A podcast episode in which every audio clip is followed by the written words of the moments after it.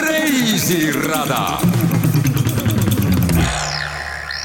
aastatel kaks tuhat kakskümmend kuni kaks tuhat kakskümmend kaks tähistab Eesti paljude riikidega de jure tunnustamise sajandat juubelit sellega seoses ka diplomaatiliste suhete sõlmimist. üheteistkümnendal septembril tähistas Hiina Eestiga sõlmitud diplomaatiliste suhete kolmekümnenda aasta juubelit. Vestluses Hiina saatkonna poliitikaosakonna juhi Wang Zhangchengiga alustamegi diplomaatilistest suhetest. räägime aga ka Hiina tuntuimatest legendidest ja roogadest ja sellest, mis neid eristab ja mida ilmtingimata Hiinas olles avastada tuleb. tea Karin tervitab teid saatesse Reisirada. China is one of the first countries to recognize Estonia, uh, Estonia's restoration of independence. So September the 11th, 2021 uh, marks the 30th anniversary of the uh, establishment of diplomatic relations between China and Estonia. And I have to say that uh, China attaches great importance to China-Estonia relations but uh, of course, due to the uh, pandemic, there should be uh, several um, events uh, planned before, but uh, due to the pandemic, uh, many of them have to be cancelled or postponed. Hiina oli üks esimestest maadest, kes tunnustas Eestit ja Eesti iseseisvuse taaskehtestamist.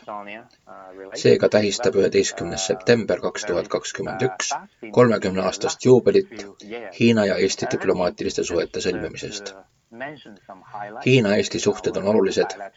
kahjuks on seoses pandeemiaga mitmed kavandatud üritused ära jäänud või nihkuvad edasi ma tahan aga rõhutada, et Hiina-Eesti suhted on kiirelt arenenud just viimastel aastatel.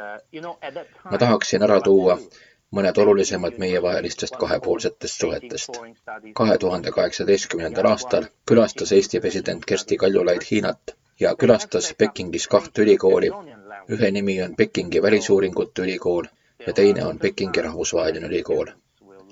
mõlemas ülikoolis on võimalik õppida eesti keelt.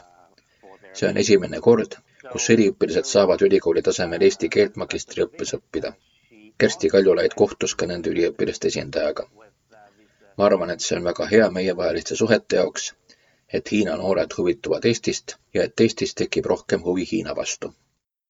kuigi praegu on Tallinnas turiste vähe ja ei kohta ka turiste Hiinast, siis kui Wang heidab pilgu möödunud aastatele, näitab see, et huvi Eesti vastu on Hiinas kasvanud the uh, number of Chinese tourists to Estonia has tripled in 2019 compared with that of 2015. And uh, we also know that the Happy Spring Festival is very popular in Tallinn. Uh, we have already held it 12 times already. Kui vaadata tagasi, siis Hiinast tulevate turistide arv Eestisse on kolmekordistunud, kui võrrelda kahe tuhande üheksateistkümnenda aasta arve kahe tuhande viieteistkümnenda aasta omadega. me teame ka, et on väga populaarne festival Happy Spring. me oleme teinud seda kaksteist korda. kaks tuhat üheksateist oli Laternate festival. Eestis on koorilaul väga populaarne. Eesti koorid on teinud mitmeid külaskäike Hiinasse ja neid on alati väga-väga soojalt tervitatud aga ka noortelaulupeoks aastal kaks tuhat üksteist kohale lennanud koor Hiinast Beijing koorus laulis ilusas eesti keeles, eelnevalt harjutades ning lihtsalt ka pähe õppides. kahe tuhande üheksateistkümnendal aastal viibis Tallinna huvikeskuse Kullo tütarlastekoor Ellerheim kahenädalasel ning väga värvikal kontserdireisil Hiina Rahvavabariigis ja nende kommentaarid tagasi naastes Eestisse kinnitavad seda, et Nad said eriti sooja vastuvõtu osaliseks. koor külastas kahe nädala jooksul kuute erinevat linna ning andis sama palju kontserte. peale igat kontserti toimus koorilauljatel kohtumine austajatega. seda oli palju, ütlevad nad. koorilauljad said tunda ennast tõeliste staaridena, signeerides plaate ning poseerides fotodel. Koori peadirigent Ingrid Kõrvits sõnas turnee kohta nii Hiina pakkus üllatusi igal sammul, sealne kultuur on ikka väga-väga erinev meie omast. olin kuulnud, et Hiina publik on suhteliselt jahe ja ei näita oma emotsioone väga välja. tahtsime oma kontserditega seda müüti purustada ja publiku üles sulatada. see meil tõepoolest õnnestus ja selle üle on väga hea meel hea meel on ka, et hoolimata pikast reisist ja vintsutustest olid lauljad kogu reisi vältel rõõmsas meeleolus ja esinesid kontserditel kindlalt. kontserdisaalid olid uhked ja hea akustikaga, rahvast kuulamas palju ning vastuvõtt soe, esinemisi kuulati tähelepanelikult ja elati ka kaasa viimane kontsert toimus Pekingis ja jäi eriti eredalt meelde, meenutas Ingrid Kõrvits. Kontserdi lõppedes ei tahtnud ovatsioonid lõppeda. selline käitumine on Hiina publiku puhul väga ebaharilik. pigem on tavapärane kontserdi ajal rääkimine, söömine, kõva häälega aevastamine ja köhimine, filmimine ja pildistamine. täielik vaikus kontserdisaalis on pigem harv nähtus. kuulajate seas oli ka lapsi, torkas silma ütles Ingrid Kõrvits, sest Hiina perekonnad peavad väga oluliseks laste muusikaharidust. Ja nii sobikski ehk selle lõigu juurde kõige paremini rääkida ka meie endi suurepärasest kogemusest Hiinas, kus legend esitlusel õhtusel Westlake'il oli igati üllatav ja lummav. Westlake on mitte ainult imekaunis, vaid ka kuulus üle maailma ning UNESCO maailmapärandi nimekirjas, ütleb Wang it is uh, listed as a World Heritage Site in 2011 by UNESCO. Uh, you, uh, West Lake is the only lake heritage site in China, and UNESCO describes it as has influenced garden design in the rest of China as well as uh, Japan and Korea over the centuries, and reflecting an idealized fusion between humans and nature. And it is uh, located in the west of Hangzhou, so you know how why it called uh, West Lake. West Lake on ainuke järv Hiinas, mis on UNESCO maailmapärandi nimekirjas, mis on mõjutanud läbi sajandite nii Hiinat kui Jaapanit ja on samas peegelduseks inimese ja looduse ühtsuse idealiseerimisest. ta asub Huanzhou'st lääne pool, millest ka tema nimi West Lake. tema suuruseks on kuus koma viiskümmend kolm ruutkilomeetrit viieteist kilomeetri pikkune on rada, mida mööda saab ümber järve käia. ta on jagatud viieks osaks. järve juurest avanevad vaated pagoodidele ja paviljonidele. järvele on kujundatud kunstlikud saarekesed. järve ilu on oma poeemidesse ja maalidesse kätkenud arvukad kunstnikud ja luuletajad ning seda juba antiikajal, perfektsioneerides ettekujutust ühtsusest inimeste poolt loodud kultuuri ja looduse vahel kuna Westlake on nii ilus, siis on temaga seotud Hiina kultuuri mitmed tuntumad legendid. üheks sarnane Euroopa Romeo ja Julia armastuslooga, räägib Wang. Hiina legend, selle nimi on liblikatest armastajad, Butterfly Lovers ja see räägib loo kahest noorest armastajast.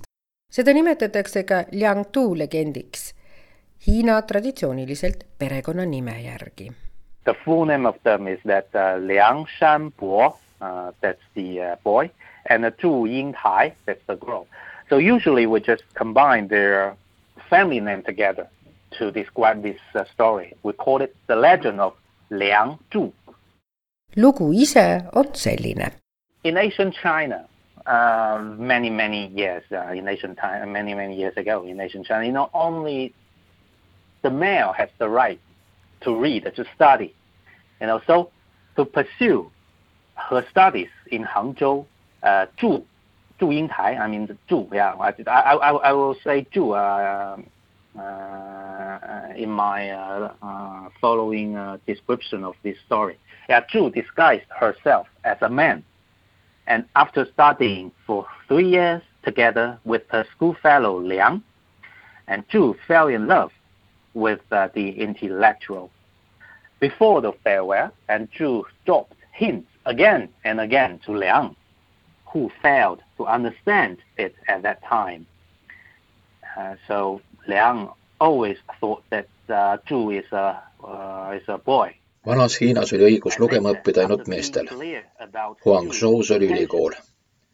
üks neiu oli endaga riietanud meesteriietesse ja õppis nii koos noormehega Liang, kellesse ta armus peale kolme aastat, mil nad koos olid õppinud, Liang oli arvanud, et Yentai on poiss, kui ta sellest aru sai, et tegemist on neiuga, tahtis ta neiu perekonna juurde minna paluma Ying-Tai kätt. õnnetuseks oli isa aga lubanud tütre teisele mehele oma õnnetuses jäi Liang haigeks ja suri. Ying-Tai liietus oma uhketesse pruudirõivastesse ja astus paati, mis pidi ta viima tema uude koju. ilm oli tormine ja kallas vihma ning paat randus varju otsimiseks selles paigas, selle paiga lähedal, kuhu oli maetud Liang Shangpo. Ying-Tai astus paadist maha, jooksis oma tõelise armastuse kalmule. järsku kalm avanes ja ta astus sisse. siis tuli välja päike torm taganes ja pulmalised läksid otsima, kuhu kadus pruut. Nad ei leidnud teda. Nad nägid ainult kahte liblikat, kes üheskoos lendlesid ja nii nad arvasid, et need ongi Liang Shanbo ja Zhu Yingtai, hinged, mis lõpuks surmas ühinesid. kurb, aga väga ilus lugu, ütleb Wang. Nendes liblikates nähakse sümboolselt Oriendi Juliat ja Romeod. õhtune etendus järvel aga oli lummav tehniliste trikkide tõttu seal oli kasutatud nii palju fantaasiat, kuidas panna tantsima esinejad veekihil, laval, mis oli peidetud järvepinna alla. paistis hiigel täiskuu, punaselt helendas sild sinisel veel, peegeldused ja järve ümbruse imeline loodus müstilistes värvides ja hologrammide kasutus mängis orkester, mida saatis klaver, mis liugles vee peale ja multivärvikas lasershow piimiti taustale see oli lugu, mis Westlake'il vaadatuna igaveseks mällu on söövinud. Valmis see ekstravagantne show kahe tuhande kuueteistkümnenda aasta G kahekümne tippkohtumiseks ja disainis selle tiim Westlake'i show direktori käe all, kes vastutas ka kahe tuhande kaheksanda aasta Pekingi suveolümpiamängude avashow eest. Reisirada teise huvitava legendina jutustab Wang Lo valgest maost, mis on Hiinas üks vanematest ja armastatumatest legendidest. teise nimega Madame White on legend leidnud tee ooperitesse ja seriaalidesse, televisioonis ja filmidesse, mis hiina keeles kõlab nii. Bai she, bai she uh,, white snake, bai is white, snake, she Bai okay. Zhuan, we will say that, yeah, a legend of the uh, white snake, Bai Zhuan. Uh, so a white snake practices for thousand years and finally gathered enough spiritual energy to transform a shape of a beautiful woman. She came to the mortal world and fell in love with a man. They got married and lived a very happy life together. Westlake'i sügavustes elas valge madu ta tuli peale tuhandeid aastaid distsiplineeritud katsetamist inimesena maa peale ja muutus imekauniks naiseks. ta nimetas ennast Su Chen. talle järgnes ka roheline madu tema sõbratel, kellest sai tema töönianna. Su Chen armus Su Xieni, nooresse meditsiiniüliõpilasse ja nad abiellusid. Nad ehitasid üles apteegi, et aidata ka vaeseid elasid õnnelikult koos Jinshani kloostris elas aga munk Fa Hai, kellel olid võimed ette näha tulevikku ja ta hoiatas Süssieni noormeest, et too on abielus maost teemaniga. kuna noormees teda ei uskunud, kasutas munk avalust. ühel draakonpaatide festivalil, kus perekonnad joovad kollast veini, pakkus ta seda ka Sütsienile, teades, et madudele mõjub see halvasti. nii muutuski Sütsien tagasi valgeks maoks ja tema abikaasa ehmus surnuks. kui Sütšen kaineks sai ja avastas, et abikaasa on surnud, läks ta Kunlunni mäele, kus kasvab jumalik seen, millel on võime kutsuda inimesi tagasi ellu. Sütšen pidi aga võitlema kolme peaga kurega ja tõi seene ning abikaasa tagasi ellu. Fahai oli Sütšeni järjekindluse üle pahane ja pani Sütšeni kloostrisse kinni sekeldusi oli veel ja taevakeiser pani Sütšeni Westlake'i torni kinni. Child, do you remember anything? He's our greatest enemy. Kill the general. You're awake? Where am I? Snake Catcher Village. It was Shren who saved you. A snake catcher scared of snakes. That's where I found you. On a rock by the falls. Ah! You know magic? Where is the girl in white? The snake catcher is mine! Blanca! Sister. There's no way you're a demon. Although I don't know who you are, I know you're not a bad person. You were given an order to kill the general. You don't recall, sister? That swine uses the dark arts too. Shred, did you ever have to do something you didn't want to? When he discovers our true nature, you think he'll still like you? Blanca? When you're a demon. Gods want to kill you. People want to kill you. Even other demons want to kill you too. You will be extinguished, body and soul. you should know. One day, you could regret this. Kuna mittesureliku ja sureliku abielu ei vasta Hiinas tavadele, ei tohtinud seda olla. aga hiinlased armastavad happy end'i, õnnelikke lõppe. seetõttu on paljudes uutes versioonides hoopis, et Su Chen ja Su Xian said poja, kes hiljem ema tornist päästis see näitab, kui armastatud legend hiinlaste seas on, kelle jaoks Su Chen oli imekaunis südamlik ravitseja. torn millest legendis juttu, kukkus aastal tuhat üheksasada kakskümmend viis sisse.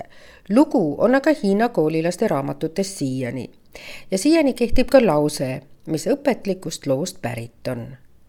valge madu armastas Süsjenni, Süsjen ise abiellus Maoga. miks peaks see veel kellelegi teisele korda minema? Proua Valge madu on ka ooper, mis sai aastal kaks tuhat üksteist Pulitzeri muusikaauhinna. esietendus oli kahekümne kuuendal veebruaril kahe tuhande kümnendal aastal oopera Boston Cutleri majesteetlikus teatris.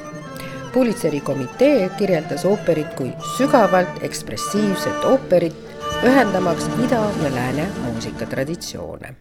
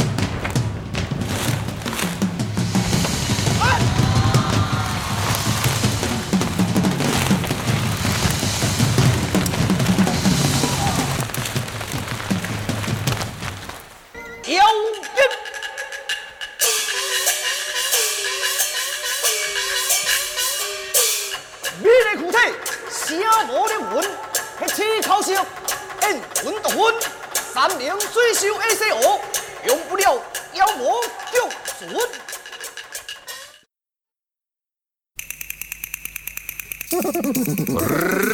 reisirada. Hiina tähendab Eesti jaoks aga ka importi ja mitte ainult, see on ka eksport nagu me eelnevates saadetes oleme rääkinud, populaarsed ja nõutud on Estonian piano, klaverid, mis lähevad Eestist Hiinasse, sest Hiina keskklass on väga aldis andma lastele muusikalist haridust. samuti on populaarsed Hiinas põllumajandustooted Eestist ja Hiina tähendab ju majanduslikult suurt turgu. Eesti tooted on seal väga teretulnud, eriti Eesti põllumajandustooted oma kõrge kvaliteediga, ütleb Wang because China has a big market and Estonian products, it's very uh, also very welcomed in China because you know, especially your agricultural products with uh, very high quality. see tähendab seda, et Eesti toodete eksport Hiinasse on tõusuteel ja seda väga kiiresti. Wang ise elab ja töötab Eestis ning pole seoses pandeemiaga kodus käinud. seega uurin, millised on tooted, mis talle endale kõige rohkem on meeldima hakanud I think uh, I like um, like uh, milk here. It's good, tastes good. The cheese here tastes very good, and I also think that uh, the taste of cheese here is very suitable for our Chinese flavor uh, because it, there are many kinds of uh, cheese in Europe. Um, some of them maybe the, ta- the tastes are also very different. So not all the tastes are suitable for the Chinese one, for the Chinese people. But I think the Estonian one is uh, very suitable. mulle meeldib Eesti õlu, Eesti juust on väga-väga hea ja Eesti juustu maitse vastab ideaalselt Hiina maitse-eelistustele. Euroopas on mitmeid juustusorte, nad maitsevad erinevalt, mitte kõik ei meeldiks hiinlastele, aga Eesti juust on väga sobiv. mulle väga meeldib, ütleb Vang ja mesi meeldib mulle, Eestis on see väga maitsev kui ma lähen turule, siis ma seal näen mitmeid sorte. ma alati valin Eesti mee ja peale selle meeldib mulle kama. see on eriti hea koos jogurtiga, see teeb jogurti väga maitsvaks ja peale selle on see ka väga tervislik. I usually also will buy uh, different kinds of uh, berries. Uh, it's um, uh, it's also very tasty, like the blueberries and the Uh, strawberry and uh, yes, I think uh, and, and and and cherry, yes, and also cherry. I think it's a very good high quality here. tavaliselt ma ostan ka erinevaid marju, mustikad on väga maitsvad, maasikad ja kirsid, need on väga hea kvaliteediga, ütleb Wang ja me naerame, et siin elab siis Wang väga tervislikku elu, kes pole kaks aastat juba kodus käinud sest siin Eestis leiab teis väga kõrget kvaliteeti. ma elan siin rohelist elu, ütleb ta. So you mm -hmm. live hel a healthy life in Estonia uh, yeah, I, I, but because you have many healthy food here. yes green one, green one, healthy one, yes. aga milline on toit Hiinas? kui olla Euroopas, siis tunduvad Hiina toidud sageli väga sarnased. Kui reisida Hiinas, siis on lugu hoopis teine. Ja seda mitte ainult välimuselt, ka maitselt ning isegi nimetuste poolest. Nii et julgelt võib väita, et hiinlased ise söövad täiesti teisi roogasid kui eurooplased Hiina restoranides. Ja seda tõendas ka minu viimane reis Hiinasse, mis ka toitude, roogade ja serveerimise poole pealt oli üllatavalt eriline. Ning ka Wang ütleb, et ka hiinlased ise on oma toidukultuuri üle uhked ja erinevaid roogasid on seal tõesti hulgaliselt. tavaliselt jagame me Hiina köögi kaheksasse valdkonda. We are also very proud of it because we think there are really many many, many tasty foods in China. But usually we just uh, summarize into eight cuisines uh, in China. Siinjuures ei tohi unustada, et Hiina on hiigelsuur maa, üheksa koma kuus miljonit ruutkilomeetrit kokku. see tähendab, et kaks korda nii suur nagu Euroopa Liit.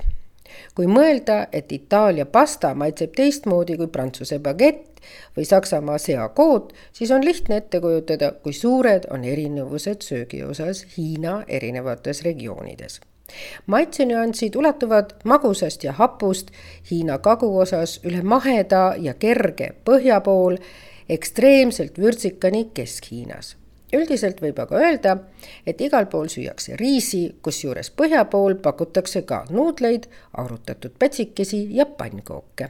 For example, we have a Shandong cuisine and usually it's fresh and salty with a lot of seafood dishes. And Sichuan and Hunan cuisines, usually they are hot, spicy. And Guangdong, Zhejiang, Jiangsu cuisines, uh, usually with great seafood and generally sweet and light flavor. Uh, yes, and they have uh, their own characteristics. And you know, I'm from Guangdong province, so you know, in Guangdong, um, making a great variety of soup is a feature of Cantonese cuisine. So usually, many like Guangzhou people, the capital city of Guangdong province, uh, people usually will drink a bowl of soup first before they eat meals. Meil on Shandongi köök, värske ja soolane, lisanduvad mereannid, Fujian on vürtsikas, põhjas jälle mereannid ja üldiselt on köök seal magus ja kerge. ma olen Guangdongi provintsist pärit ja seal me teeme palju suppe kantoneesi köögist. inimesed söövad suppi seal enne pearooga supid erinevad Hiinas väga tugevalt oma kontseptsiooni poolest. minu regioonis on supp üks väga keeruline asi. suppi pannakse palju erinevaid lisandeid ja seda keedetakse mitmeid tunde. põhjaosas on supp aga hoopis midagi muud, palju lihtsam. ma olen pärit Guangdongist, aga õppisin Pekingi ülikoolis ja kui ma Pekingis suppi tellisin, siis oli see väga üllatav. see oli nii väga lihtne Nad keedavad seda tomati ja munaga ja nimetavad seda supiks. sellist asja meie Guangdongi provintsist kunagi supiks ei nimetaks. ja mõnikord võib supp olla põhjuseks kultuurishokile lausa. Even in China we have some cultural shock on different parts of China Fujiani köögi lühem nimetus on minköök, mille ajalugu on juba üle viie tuhande aasta vana ning arvatakse sinna hulka kolme varianti Fuzhou, mis maitselt on kerge ja segab meelsasti magusat ja haput. Läänepoolne variant on vürtsika aroomiga, lisades pipart ja sinepit. lõunaminköök maitseb vürtsikalt ja magusalt. minköök paneb palju rõhku ka kõhtu täitvatele suppidele, seega ütlebki üks lendlause, söök, mille juures ei ole suppi, ei ole vastuvõetav. We also speak different uh, dialects in Beijing, usually it's uh, Mandarin uh, or Chinese Mandarin or the local Beijing dialect. But in Guangdong, we have our own dialect. So what is popular on these two places are different. me räägime erinevaid dialekte. Pekingis on see mandariini ehk hiina keel või kohalik Pekingi dialekt Guangdongis on meil oma dialekt. mis on populaarne, on ka erinev nendes kahes paigas, näiteks kuulad popmuusikat, siis põhjaosas on need mandariinilaulud, Guangdongi provintsis on see kantoni stiil. on erinevad traditsioonid, nii avaldub see ka roogade nimedes. üheks huvitavaks roaks proovimiseks oli Hiinas Fujiani köögist pärinev roog nimega Buda hüppab üle müüri see koosneb üle kolmekümnest lisandist, mille hulgas kana, ebakammkarbid ja merekurgid. see on väga eksootiline delikatess, mis igal juhul peale maitsmist meelde jääb. Buddha jumps over the wall. We call, uh, we say it in Chinese. It's just three words: 佛、跳、降. Mm-hmm. Um, it's just a description. Uh, 佛跳墙 in, in, in Chinese. Uh, it's a kind of uh, soup and or um, uh, it's just to describe how delicious the food is. You know, when you cook it, it smells um, very, very delicious. And uh, uh, there is a story that, you know, um, in the past, uh, monk usually to be a vegetarian, you know, but this is a meat-based dish. Uh, usually it contains many uh, things. For example, uh, among them it's sea cucumber, abalone, fish fin, etc. This is a very expensive uh, ingredient, and um, we put it together and boil it, stew it. Smells very, very uh, delicious. So it entices a monk uh, in the temple. You know, he, he, he was just uh, in the temple, but when he smells uh, this fragrance uh, outside the wall, he just jump out of the temple uh, he just want to go out to have a taste of it, though he was forbidden to have anything with meat. So it's just to describe that how uh, how um, delicious the food is. Buda hüppab üle müüri. tegemist on siinjuures supiga, et kirjeldada, kui maitsev see on, siis tuleb teada, et kui seda keedetakse, siis supp lõhnab väga-väga hästi ja räägitakse legendis, et kuna mungad on tavaliselt vegetaarlased, aga see supp baseerub lihal, siis võib tekkida keeruline olukord. Supile lisatakse väga kalleid lisandeid. me paneme kõik ained sisse ja selle aroom on valmistamisel oivaline, ütleb Vang. ja see võrgutab munka templis ja kui munk tunneb selle supi keetmise lõhna, mis tuleb temani väljaspoolt müüri, siis ta tahab üle müüri minna ja seda proovida, aga see on talle keelatud. seetõttu roa nimetus kirjeldabki, kuivõrd võrratu see roog on. Fo, tiao, qiang.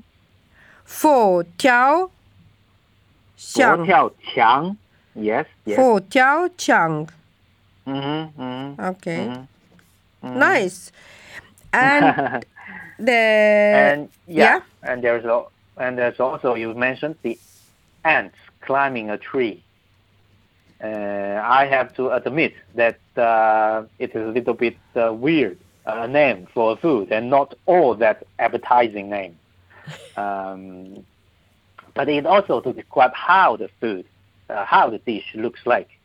ja siis me räägime ka söögist, mille nimi on sipelgad ronivad puu otsa ja Vang ütleb, et jah, meil on imelikke nimesid ja need ei ole alati just söögiisu tekitavad, aga ka see on seotud sellega, kuidas toit välja näeb. see on klassikaline Hiina toit, koosnedes klaasnuudlitest. kui ta on valmis, siis klaasnuudlid näevad välja nagu puuoksad ja mingpo on nagu väikesed sipelgad. nii teeb see kokku roa nime.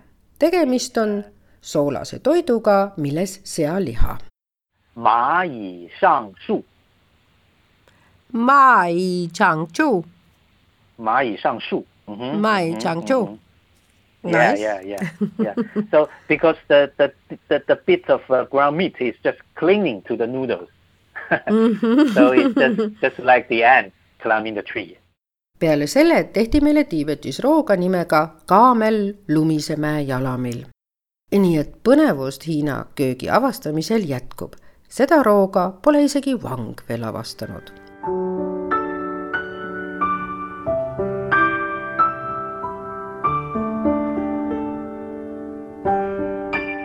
Saate tehnilise külje eest vastutas Veiko Rebane. tekste luges Toomas Metsis. Saade on kuulatav Kuku raadio podcastis kui avanevad jälle piirid pikkadeks reisideks ning saab ka avastada nii suurt ja vana kultuuriga maad, nagu seda on Hiina, siis proovige kindlasti kohalikku Hiina kööki. see on elamus, mis kuulub ilmtingimata reisimise juurde ja seetõttu öeldakse Hiinas Mananchi, mis tähendab sööge aeglaselt ja nii saatest seda kõige paremini ja meeldejäävamalt nautida. Thank you.